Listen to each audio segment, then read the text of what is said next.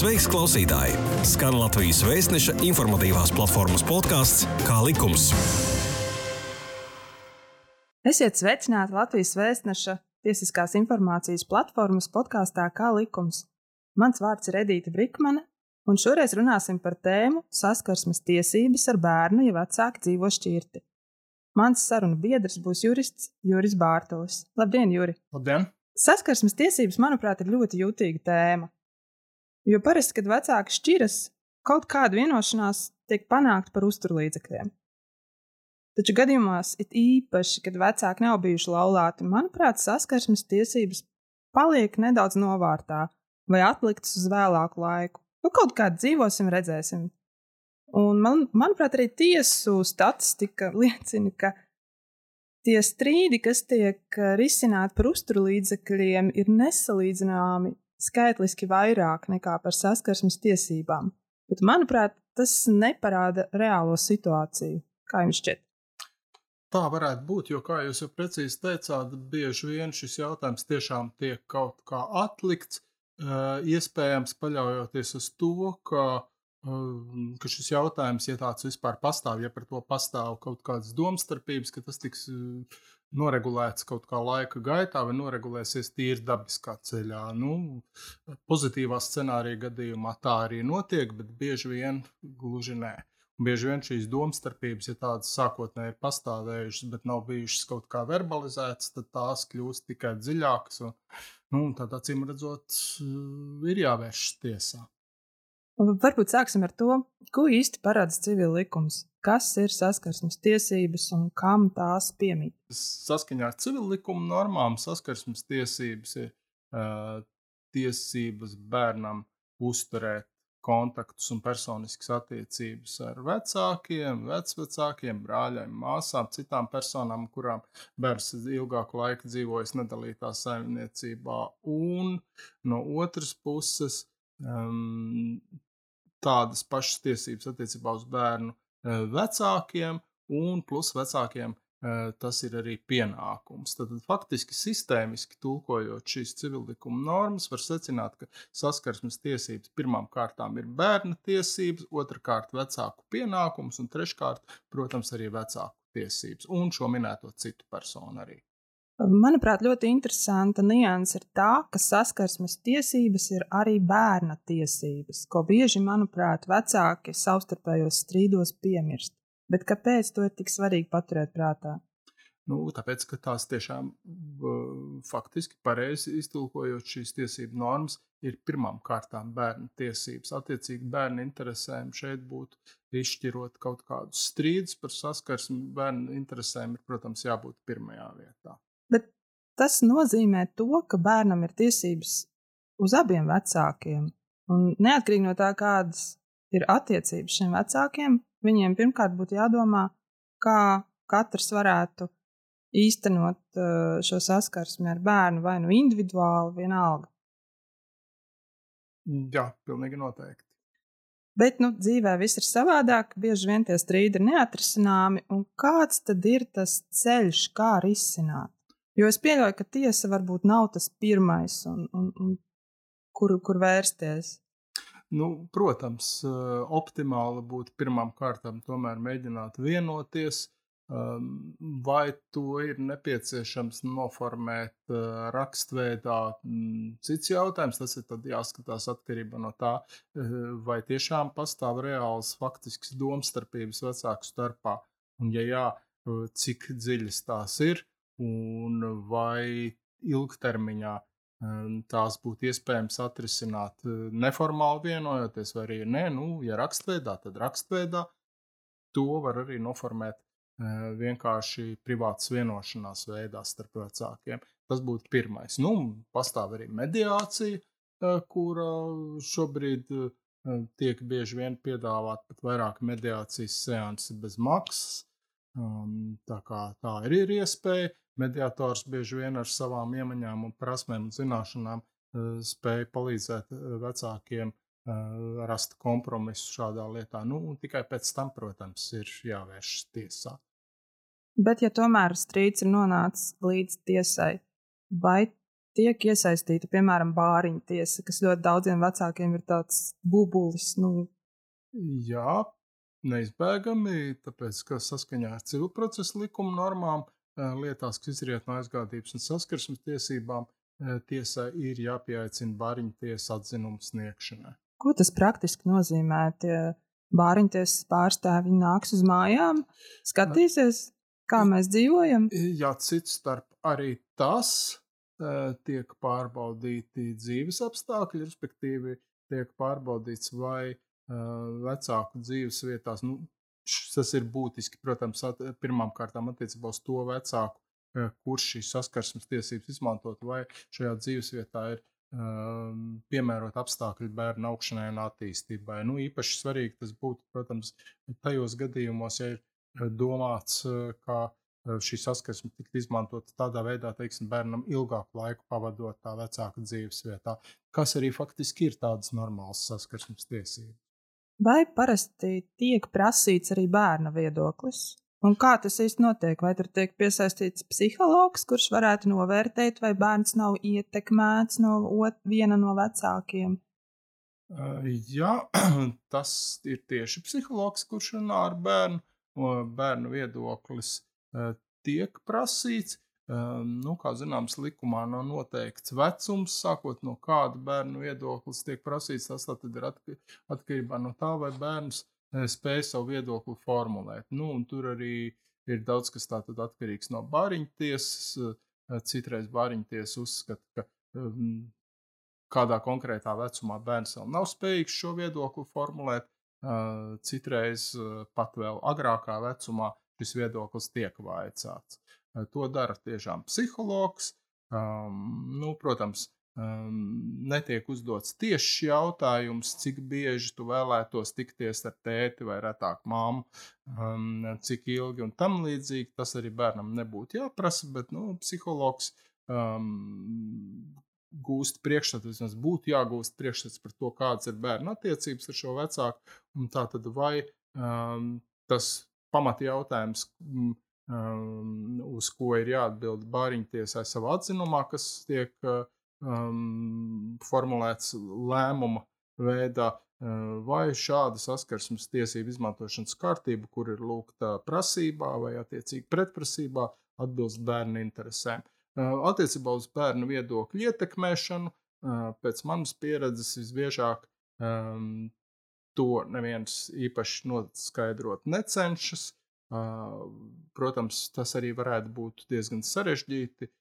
Ļoti bieži ir gadījumi, kad ir pamats domāt, ka šāda ietekmēšana no tā vecāka puses, kurš īsteno bērnu aprūpu un uzraudzību, notiek. Bet, kā jau es minēju, parasti šādi apsvērumi vispār psihologa un, attiecīgi, arī visā bāriņtiesas atzinumā neparādās. Bet ko darīt, ka bērns saka, nē, nu es negribu tikties ar uh, pieņemsim tēti? Nu, tas notiek diezgan reti, tomēr tā kategoriski. Nu, un tad arī ir dažādi, jo dažkārt tiesa tomēr, kā tiesai būtu arī jādara, tiesa izdara savus apsvērumus, un tomēr plašāku vai šaurāku šo saskarsmu tiesību izmantošanas kārtību nosaka jo bērnu viedoklis tiek uzklausīts, bet uh, tas var nebūt un parasti, parasti arī nav noteicošais. Respektīvi, bērns uh, savā vecumā, kāds tas konkrētajā gadījumā ir, bieži vien nevar pats objektīvi novērtēt, kas atbilst vai neatbilst viņa interesēm. Tāda, acīm redzot, ir šī doma, nu, tai droši vien arī varētu arī piekrist. Tātad Viens no vecākiem ir nolēmis vērsties tiesā un rakstot iesniegumu, pieteikumu, visticamāk, arī jānorāda, ko tieši viņš vēlas. Kā viņš piedāvā vai vēlētos īstenot uh, saskarsmi ar savu bērnu. Cik detalizēti tas ir jānorāda, jo, teiksim, es esmu redzējis tiesas spriedumus, kur tā detalizācija ir ārkārtīgi sīkumaina. Ir teju vairākus gadus uz priekšu saplānotas visas brīvdienas un skolēnu brīvlaiki. Tā tad jautājums, Cik, cik detalizēti to var darīt? Jā, tas būtībā ir tāds pilnībā neatbildams jautājums, jo no vienas puses, jo sākotnēji lielākas ir šīs vecākas domstarpības par saskarsmes tiesību izmantošanas kārtību, jo, lai pēc iespējas tās samazinātu turpmāk saskarsmes tiesību izmantošanas gaitā, jo acīm redzot, no vienas puses detalizētāk būtu nepieciešams formulēt šo saskarsmes tiesību izmantošanas kārtību, lai nerastos pārpratumi, piemēram, izpildes gaitā, lai nebūtu iespējams kaut ko izmantot ļaunprātīgi, bet no otras puses, ja tas ir atrunāts ļoti detalizēti, Um, tad, protams, ir iespējams situācijas, kad dzīve ievieš savas korekcijas, un uh, šo uh, saskarsmes tiesību izmantošanas kārtību uh, kādā brīdī vienkārši nav iespējams īstenot tieši tādā veidā, ir noteikti, kā ir noteikts. Un tad viens vecāks var sūdzēties par to, ka otrs vecāks neizpilda, otrs vecāks savukārt iebilst, ka šādā veidā tas nav noteikts, un mēs turēsimies pie tiesas nolēmuma, nu, un tur atkal ir strupceļš. Tātad no vienas puses būtu jābūt pēc iespējas paredzot visas situācijas, cik nu tas ir iespējams, no otras puses. Um, šai saskarsmes tiesību izmantošanas kārtībai būtu jābūt pietiekoši elastīgai. Uh, nu, tur acīm redzot, arī neizbēgami, kā tas arī visbiežāk ir, kaut kādas lietas, kaut kādi jautājumi tiek atstāti uh, vecāku vienošanās ziņā. Tad vecākiem ir par kaut ko katrā konkrētajā reizē jāvienojas. Nu, bet, ja vecākiem sākotnēji jau ir grūti par jebko šajā jautājumā vienoties, nu, tad tas arī varētu būt grūti. Bet faktiski tas ir neizbēgami. Vecākiem saskarsmes tiesību izmantošanas gaitā ir jākontaktējas, ir jākomunicē, nu, un acīm redzot, arī ir jāvienojas. Kā likums? Kā likums? Jā, tu klausies Latvijas Vēstneša informatīvās platformas podkāstu Kā likums? Mums LV portālē konsultāciju sadaļā ir bijuši tādi jautājumi ar tam līdzīgu situācijas aprakstu, kurā vecākam ir noteikts, teiksim, trešdienās, katru trešdienu, pulkstenis četros izņemt bērnu no dārziņa, un tad viņam viss vakars ir veltīts nu, kop, kopīgai laika pavadīšanai. Un bērnu mammai ir problēma, jo tētis to dara tad, kad viņam ienāk prātā. Viņai ir ļoti grūti plānot savu laiku. Un, principā, ir arī citi gadījumi, kad, piemēram, katra otrā sestdiena, svētdiena, piemēram, ir tētim, un, un tētis neatbrauc. Bet mammai it kā ir jābūt pēc tā vienošanās līguma mājās. Vai tā? Nu, ja viņš pēkšņi izdomā atbraukt. Nu, faktiski, jā, ja tā ir tiesas nolēmumā noteikts, tad abām pusēm ir jāizpilda. Nu, ja viena puse šo nolēmumu nepilda, nu, tad jautājums, ko darīt. Dažos gadījumos var, protams, paņemt izpildu rakstu, nodot tiesas izpildītājiem piespiedu izpildē, bet jautājums, vai vienmēr reāli piespiedu izpildi ir iespējama. Nu, ja ir tiesas nolēmumā noteikts konkrēts laiks, ka, teiksim, vecākam ir jāierodas pēc bērna, pieņemsim, pirmsskolas izglītības iestādē. Viņš to neizdara. Iepriekš to nav iespējams paredzēt, atcīmredzot, nu, attiecīgi šādā situācijā vienkārši otram vecākam ir jāglābj situācija. Jā, bet eh, vēl mums ir bieži, ļoti bieži šādi jautājumi, kā, piemēram, tēvs nemaksā uzturlīdzekļus, Un tad māte saka, ka viņas prāt viņam līdz ar to nav tiesība tikties ar bērnu, jo viņš viņa labā neko nav darījis. Vai arī bērnu tēvs raksta, māte aizliedz kontaktēties ar bērnu, kamēr es neapmierinu viņas finansiālās prasības. Faktiski bērns kļūst par tādu kā šantāžas objektu. Ma nu, maksā uzturlīdzekļus, tad es tev ļaušu ar viņu Skype parunāties. Nu, kā tas izskatās no tiesiskā viedokļa? Vai mamma drīkst tā rīkoties? Uh, jā, protams, atbilde ir, manuprāt, viennozīmīga. Uh, neviena no otra pieeja nav pareiza un rīkoties šādi nedrīkst. Uh, jo uh, saskarsmes tiesību izmantošanas kārtība un uzturlīdzekļi tie ir, mm, skatoties tīri jau tiesvedības kontekstā, tie ir divi dažādi lietas priekšmeti, nevēl tur arī ir dažāda šo lietu izskatīšanas procesuālā kārtība, piemēram, um, lietas, kas izriet no saskarsmes tiesībām. Tur ir speciālais uh, regulējums, tātad civil procesa likuma 29. prima nodaļa, uh, un uzturlīdzekļi savukārt šādas prasības tiek izskatītas citā kārtībā. Uh, turklāt ir iespēja arī uh, vērsties tieši uzturlīdzekļu garantiju fondā, attiecīgi viss tas tiek skatīts jau administratīvā procesa kārtībā. Uh, uzturlīdzekļus uh, un saskarsmes tiesības tātad nedrīkst šādā veidā saistīt un nedrīkst uzstādīt uh, to kā nosacījumu. Ja tiks maksāt uzturlīdzekļi prasītajā apmērā, tad būs iespējams izmantot saskarsmes tiesības. Uh, un tikpat labi arī otrādi. Uh, nav nekādi pieļaujams, tāpēc ka vienam vecākam šķiet, ka viņam tiek liektas vai nepamatot ierobežotas saskarsmes tiesības, tāpēc nemaksāt uzturlīdzekļus. Protams, ne jau uzturlīdzekļu um, maksāšanas pienākums ir absolūts pienākums, uh, vismaz minimālajā apmērā. Uh, nu, un kaut, savukārt saskarsmes tiesības, jā, tās arī uh, nosaka civillikums un tātad strīdi par Eh, saskarsmes tiesībām ir uh, izskatāmi atsevišķi. Nu, un nevelti eh, eksistē arī judikatūra, saskaņā ar kuru, piemēram, lietās par uzturlīdzekļiem nebūtu pieļaujamas pretprasības par saskarsmes tiesībām. Nu, un acīm redzot, arī otrādi nebūtu pareizi.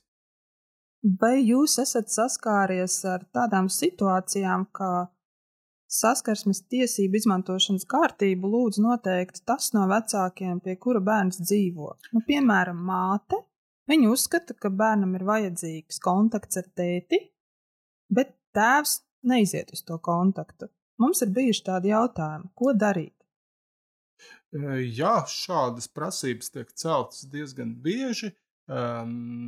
Dažkārt tas mēdz radīt zināmas problēmas, jo ir tiesas vai tiesneši, sevišķi pēdējos gados, kuri uzskata, ka šim vecākam, kurš īsteno bērnu aprūpu un uzraudzību, nav subjektīvo tiesību celt šādu prasību, kā prasību par saskarsmes tiesību izmantošanas kārtības noteikšanu drīkst celt tikai tas vecāks, kurš vēlas saskarsmes tiesības izmantot. Domāju, ka tas nebūtu īsti pareizi, tāpēc, ka, piemēram, ir arī augstākās tiesas nolēmumi, vismaz viens konkrēts nolēmums, kā ir noteikts, ka izpildu rakstu drīkst izņemt lietā, kur ir spriedums par saskarsmes tiesībām, izpildu rakstu drīkst saņemt tas vecāks, pie kura bērns dzīvo.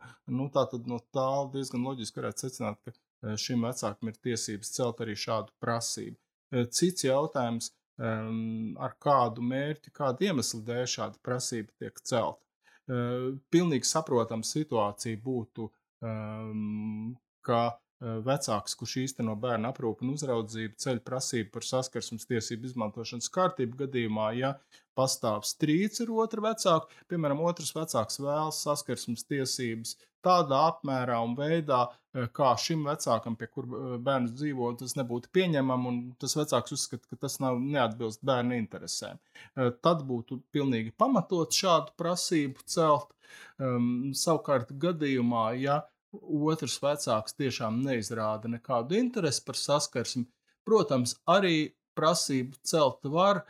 Cits jautājums, vai šo mērķi panākt, lai otrs vecāks kontaktētos ar bērnu, vai šo mērķi šādā veidā ir iespējams panākt un sasniegt. No attiecībā uz to es esmu diezgan skeptiski noskaņots, jo praksa rāda, ka, ja vecākam nav intereses uzturēt uh, personisks kontakts ar bērnu, tad viņu faktiski piespiest nevar, un arī uh, tiesas nolēmums šeit nepalīdzētu. Un es, protams, zinu dažus gadījumus, kad šādā situācijā tas vecāks, pie kur bērns dzīvo, arī mm, ņem izpildu rakstu, nodod tiesas izpildītājām un ar tiesu izpildītāju ved bērnus pie otra vecāka. Bet tas jau, manuprāt, vairs īsti neatbilst ne šīs prasības mērķim un jēgai, nu, ne arī vispār tas tīri cilvēciski būtu vairs pareizi. Jo, nu, ja vecāks savas tiesības um, nevēlas izmantot, nu, diemžēl arī pienākumus pildīt, kas ir uh, pat primāri um, attiecībā pret tiesībām. Nu, tad šādā veidā diez vai šādu mērķi ir iespējams sasniegt, diez vai ir iespējams piespiest kādu. Kā likums? Kā likums? Jā, tu klausies Latvijas Vēstneša informatīvās platformas podkāstu Kā likums? Sakiet, vai nosakot saskarsmes tiesību izmantošanas kārtību, kāda no pusēm varētu prasīt vai nu, lūgt konkrēti, kā šī saskarsme tiks īstenota, pieņemsim, vietu vai kādas nodarbes tiks darītas, vai tam līdzīgi. Es minēšu vienu piemēru. Mums ir bijis jautājums no bērna mammas, kur saka, vai es varu pieprasīt, ka tēvs īsteno saskarsmi ar bērnu ārpus manas dzīves vietas. Tad viņš regulāri nāk pie viņas uz mājām, sēž kopā ar bērnu viņas istabā, sievietē ir izveidota jauna ģimene, viņai ir cits uh, dzīves partneris, un, protams, ka viņai šī situācija nešķiet pieņemama? Vai to kaut kā var risināt? Jā, noteikti. Jo pirmkārt, civil procesa likumā jau ir arī noteikts, ka nolēmumā, ar kur tiek noteikta saskarsmes tiesību izmantošanas kārtība, ir jābūt noteiktai saskarsmes tiesību izmantošanas vietai. Um, nu, tas ir atkarīgs jau no prasītāja, kādu vietu šeit tiek norādīta. Šādā gadījumā, ja pieņemsim um, bērnu māte sniedz šo prasību, tad, protams, varētu norādīt citviet. Turklāt, vairumā gadījumu tomēr tie vecāki, kur vēlas izmantot saskarsmes tiesības, uh, arī paši vēlas, lai uh, šī vieta būtu, pieņemsim, viņu dzīves vieta, nevis otra vecāka dzīves vieta. Um, vēl jau vairāk tad, ja uh, šīs saskarsmes tiesības ir lielākā apjomā, piemēram, bērnam īsāku vai garāku laiku nakšņojot pie šie vecāka, pavadot, pieņemsim, mēnesi vasaras brīvlaikā un tam līdzīgi.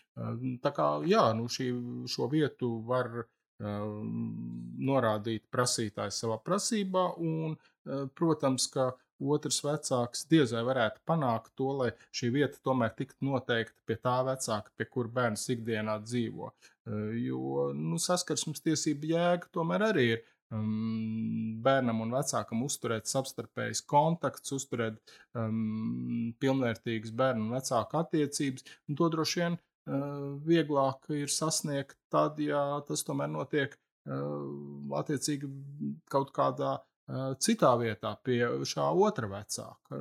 Vairumā gadījumā šie vecāki paši arī tā vēlas. Cits jautājums attiecībā uz vietu, protams, un uz šo civilprocesu likuma normu ir tāda, ka Um, nu, ja ļoti gramatiski tulko šo normu, uh, tad tā tad būtu jābūt norādītai uh, katrai tikšanās reizei, vai arī vienkārši šajā saskarsmes tiesību izmantošanas kārtībā, kas ir spriedumā vai lēmumā.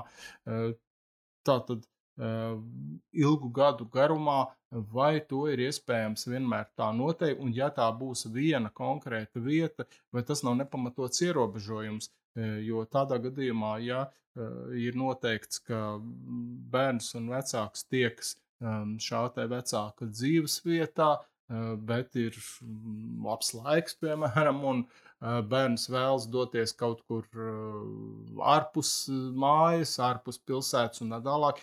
Tādā gadījumā, ja bērns un vecāks kopā dodas uz citu vietu, tad otrs vecāks varētu teikt, ka viņi nepilda tiesas nolēmumu. Bet ir tiesas, kuras tik gramatiski šo normu arī tulko un um, saka, ka uh, tādi formulējumi kā uh, vecāka dzīvesvietā vai citā brīvi izvēlēta vietā tāda nedara, jo lūk, tā ir jābūt vienai konkrētai vietai. Nu, domāju, ka šī ir zināma problēma, un tur vai nu būtu likumdevējiem tomēr kaut kā šī norma jāformulē citādi, vai arī um, nu, augstākajai tiesai būtu. Um, jā, kāds ir redzot, kaut kā šī norma jāinterpretē uh, tā, lai būtu iespējams lielāks elastīgums. Bet varētu būt, un ir tādas situācijas, ka, piemēram, tam no vecāka, vecākam, pie kura dzīvo bērns, viņam nepatīk otra vecāka jaunais dzīves partneris. Viņš negrib, lai bērns ar viņu pavada laiku kopā, Un mums ir bijuši jautājumi, ka viņiem šķiet, ka šis partneris ir bīstams, varbūt liet, lieto pārāk daudz alkohola un pastāv šīs bāžas. Kā to varētu risināt un vai tas ir iespējams? Nu, jā, nu, pirmkārt, protams, jebkuram no bērnu vecākiem ir tiesības uz privāto dzīvi, gan tam, kurš īsteno aprūpu un uzraudzību, gan arī tam, kurš vēlas izmantot saskarsmes tiesības. nu, un, attiecīgi, arī Tātad um, viņu dzīves biedri, nu, acīm redzot, ir kaut kāda šo dzīves biedru, gan viena, gan otra vecāka jauno dzīves biedri, abiem tādi ir uh, kontakti ar bērnu, uh, droši vien ir neizbēgami. Un, tos arī principā ierobežot nebūtu pamata, izņemot gadījumus, ja tiešām ir um, objektīvi apstākļi, kas liek uzskatīt, ka tur varētu būt kaut kāds apdraudējums bērnam. Nu, tādā gadījumā bariņtiesas pienākums būtu pārbaudīt, vai šādi riski pastāv. Tādā gadījumā, piemēram, es kā mamma varētu vērsties bāriņtiesā ar lūgumu pārbaudīt, vai, bēr, vai, vai apstākļi bērnam, tad, kad viņš ir pie tēta, ir uh, atbilstoši. Jā, jā, noteikti. Tas attiektos mhm. arī uz, uz šā otra vecāka dzīves biedri. Ja tur būtu pamats domāt par kādu iespējamu apdraudējumu, tad bāriņtiesas pienākums būtu to mm -hmm. pārbaudīt. Bet dažkārt ir tā, ka vecāks uzskata, ka bērnam vispār nebūtu vēlama saskarsme ar otru vecāku. Nu, teiksim, es nezinu, dzīvesveids ir slikts, alkoholisms vai kaut kādas atkarības, vai, vai iznācis cilvēks no cietuma un tam līdzīgi. Nu, vai, vai tiesa var teikt, ka nē, bērns mm, bērna saskarsme ar šo vecāku nav vēlama. Jā, civilikumā ir paredzēta šāda iespēja liekt saskarsmi uz laiku. Cik ilgs laiks tas būtu, būtu, būtu vērtējums individuāli katrā atsevišķā gadījumā. Principā tas ir iespējams, nu, un tāpat arī saskarsmes tiesības var dažādi ierobežot. Nu, piemēram, kaut vai uh, um, nu jau krietnu laiku ir civil procesa regulējums, kas paredz iespēju piedalīties saskarsmes personai. Ja ir pamats uzskatīt, ka tas varētu būt drošāk, bieži vien to nosaka uz kaut kādu laiku, pēc kura īpašie saskarsmes persona ir, piemēram, bāriņtiesas psihologs, tad pēc kāda laika Um, ja šis speciālists jau uzskata, ka nu, tagad būtu iespējams sākt saskarsmi bez uh, saskarsmes personas piedalīšanās, nu, tad attiecīgi jau uh, būtu tieši tāda nepastarpināta kontakta bez. Bet nu, tas ir iespējams gan ierobežojumi, gan arī saskarsmes tiesību liekšana uz laiku. Noslēgumā es gribētu jautāt par situācijām, kad vecāki dzīvo dažādās valstīs. Arī tad saskarsmes tiesības ir spēkā. Un kā praktiski var īstenot šo saskarsmi, jo, teiksim, nu, nevar tā vienkārši aizbraukt reizi nedēļā ciemos. Uh, tad, principā, kāda ir tās, kādas ir tās praktiskās iespējas īstenot šo saskarsmi, un, ja bērns brauc pie otra vecāka, vai, vai tam otram vecākam būtu jāuzņemas apmaksāt ceļa izdevumus, piemēram. Jā, protams, ja bērnu vecāki dzīvo dažādās valstīs, tad saskarsme, saskarsmes tiesības var izmantot, un, ja ir attiecīgs tiesas nolēmums, nu, vēlams šajā gadījumā tāds, kurš jau ir pieņemts tad, kad šī situācija jau ir pastāvējusi, tad ņemot vērā šos apstākļus, tad, protams, tas ir jāievēro un jāpilda. Nu, viens jautājums, protams, ir neizpildes gadījumā, piespiedu izpilde um, tīri juridiski ir iespējama uh, vismaz jebkurā Eiropas Savienības valstī uh, un arī daudzās trešajās valstīs. Uh, kā tas notiek praktiski, tas varētu būt krietni sarežģītāk. Nu, it sevišķi tas būtu attiecībā uz šādām tādām valstīm, eh, kurās, kā zināms, ļoti daudz Latvijas valsts piedarīgo dzīvo, piemēram, apvienotā karalistē, īrija un tam līdzīgi, kur ir eh, ļoti atšķirīga tiesību sistēma un, attiecīgi, eh, ir diezgan neskaidrs, kā īstenot piespiedu izpildi. Bet, ja nu nav piespiedu izpildi nepieciešama, nu, tad viss pārējais notiek attiecīgi tā, kā ir šajā tiesas nolēmumā noteikts.